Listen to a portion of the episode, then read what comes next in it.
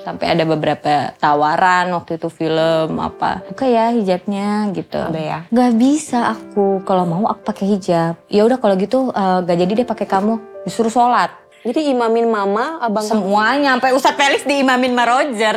Serius? aku masih punya ayah.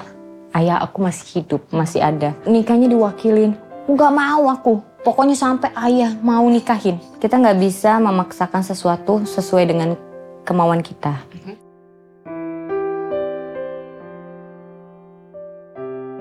Assalamualaikum warahmatullahi wabarakatuh. Hi ladies, it's me Dewi Sandra dan kita ketemu lagi di Wardah Heart to Heart. Nah, ini kan waktunya kita mau menyambut bulan suci Ramadan. Artinya setiap langkah yang kita lakukan saat ini sangat berarti. So make it count karena setiap langkah baikmu berarti. Oleh karena itu hari ini aku juga pengen sharing nih sama salah satu temen aku sosok yang menurut aku menarik, uh, lucu, meledak-ledak dan juga punya pengalaman hidup yang mungkin kita juga bisa memetik hikmah dari situ. Pengen tahu ya langkah-langkah apa yang dia sudah ambil dalam kehidupannya dan akan mengambil ke depannya? Langsung aja kita sama-sama sambut Cut Meriska. Cika, ya kak. Apa kabar? Alhamdulillah. Baik. Baik. Sehat, Sehat. bahagia. Oh itu pasti. Gini ya, gini ya. Kita harus flashback Iya. sedikit. Aku nggak mau tahu. Aku nggak mau tahu. Kamu itu, ini aku mau jujur ya, terbuka ya. oh, Waktu kita main sinetron bareng itu, aku tuh gedek banget ya Allah. Ini karakter nyebelin banget. Kalau nggak syuting udah pengen aku cek. serius. Serius. Tapi kan pas cut udah ketawa-tawa aku. Iya emang. Kamu kan sering main antagonis ya? Iya. Apa alasannya? Gak tahu, aku kayaknya diam aja menurut orang tuh udah kayak jutek gitu. Sampai sekarang. Sampai sekarang? Sampai sekarang. Even pakai hijab? Iya. Orang masih nganggap Masih kamu nganggap jutek. gitu. Tapi harus kita clearkan, memang waktu kita syuting zaman dulu, itu pas di adegan aja ya. Setelah udah cut, ini orang tukang ngelawak banget. Kamu pernah dicubit kan? Kamu Pernah. datang ke pernikahan siapa? Raffi. Oh, Oh, Raffi bener. Managita. Dicubit, dicakar, udah. Waktu itu, eh maaf, eh, almarhum Kak Asraf datang juga kan. Mhm. Gak dia papain tuh. Sabar banget, Bram. Ya ampun. Eh, dia juga yang salah. ya kan? Mas Bram, ya Allah Mas Bram. I miss him. Iya. Kamu kangen? Iya. Insya Allah ya, mudah-mudahan beliau di sisi terbaik Amin ya Allah. aku melihat kepulangan beliau itu kayak pelajaran mahal banget buat kita Iya. bahwa hidup itu cuma sebentar banget kita nggak pernah tahu umur. Iya, Kamu dapat pelajaran apa Ci? Aku lebih ke yang ikhlas. Dan aku kalau keluar pengennya eh, udah berwudu juga pengennya sih gitu. Masya Allah berubah banget adekku. Gak tahu juga kenapa. Kak. Gak tahu. Bukan karena ada sesuatu atau ada apa. Nggak Tahu deh. Coba ceritain ke aku apa yang membuat kamu pakai jilbab? Aku lagi pergi, terus tiba-tiba kayak Padahal pergi ke rumah orang doang, kayak malu. Waktu itu aku pakai baju segini, segini, tuh aku kayak turun-turunin, kos kaki dinaik-naikin. Kenapa aku tarik-tarik nggak pede gitu kan? Udah gitu eh, ngobrol sama Rojo kayak, aku kenapa ya Pi ya? Kepikiran kalau aku pakai hijab gimana ya? Serah kamu tapi cantik, pakai hijab, enak dilihat, leluasa juga kan jadinya pakaiannya gitu. Oh gitu ya? Iya. "Oh, aku mau sholat dulu ya, Aku bilang gitu. Tiba-tiba nangis. Terus setelah sholat aku nelfonin semua orang yang kira-kira aku dulu pernah marah aja sama orang itu.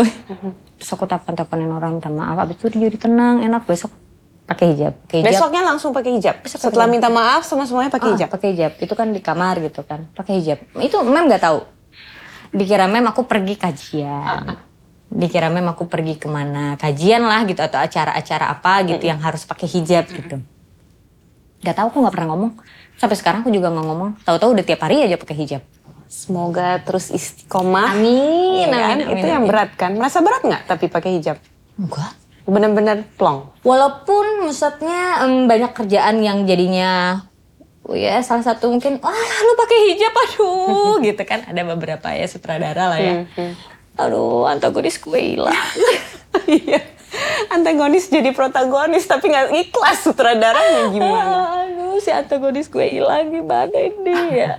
Ya, ya gak bisa aku kayak gitu. Sampai ada beberapa tawaran waktu itu film apa. Buka ya hijabnya gitu. Ada ya.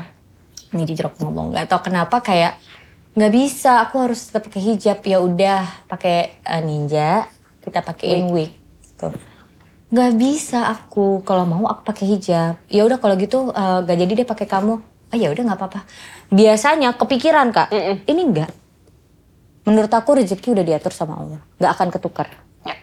sekarang ada anak itu rezeki juga buat aku Insya Allah.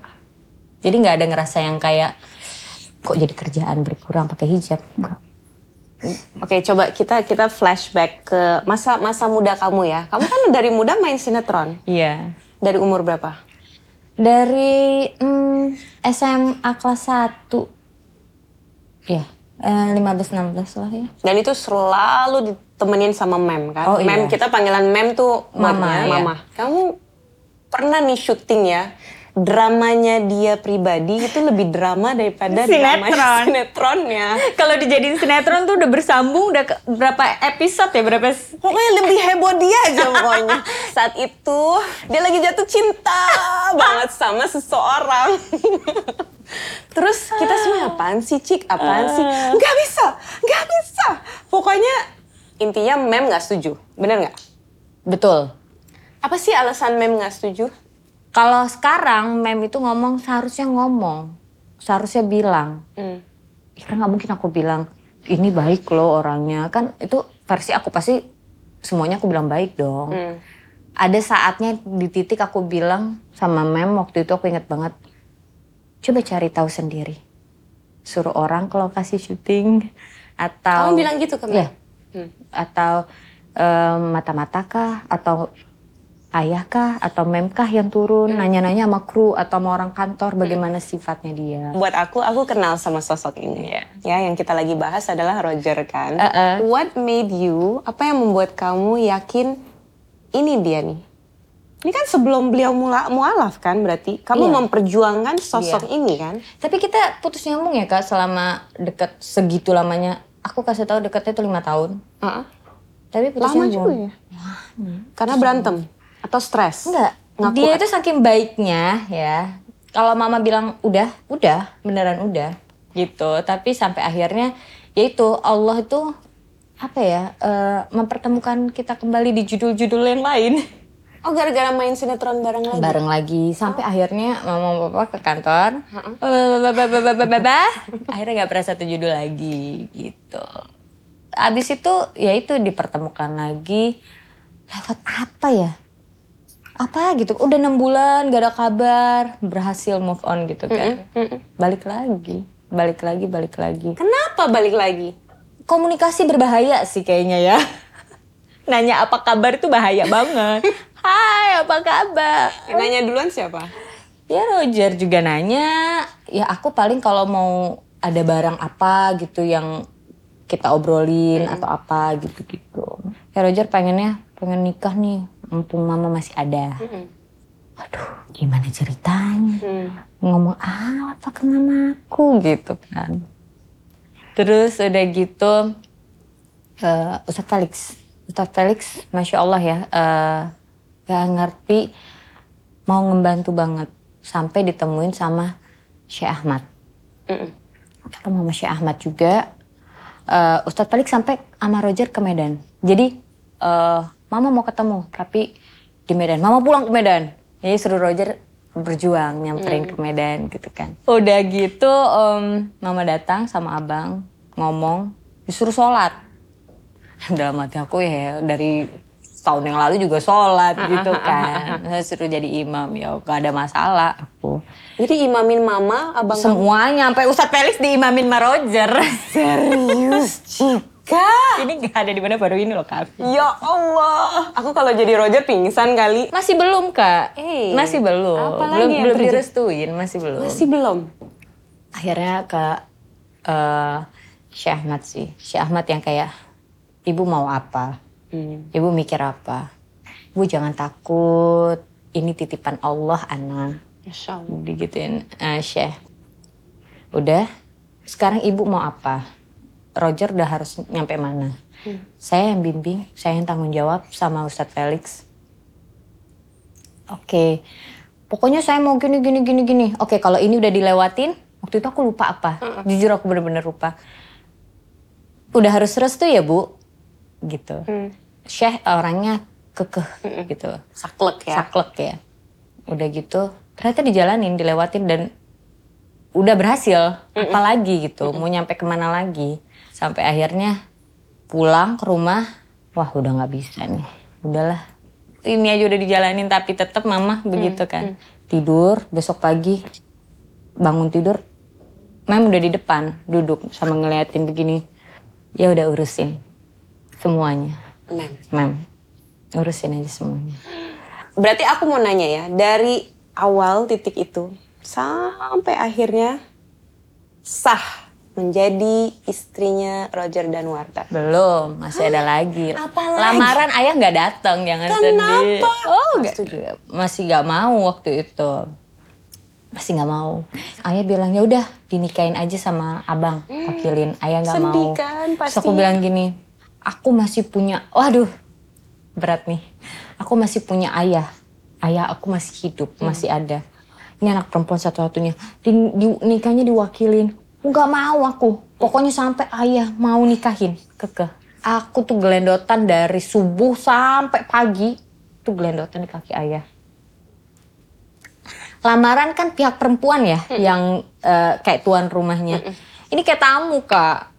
R- keluarga Roger duluan yang datang. Aku ngurusin, aku lagi makeup, stop, stop, stop. Gimana ini dekornya ini? Eh ayah datang pada saat kita udah mau kelar.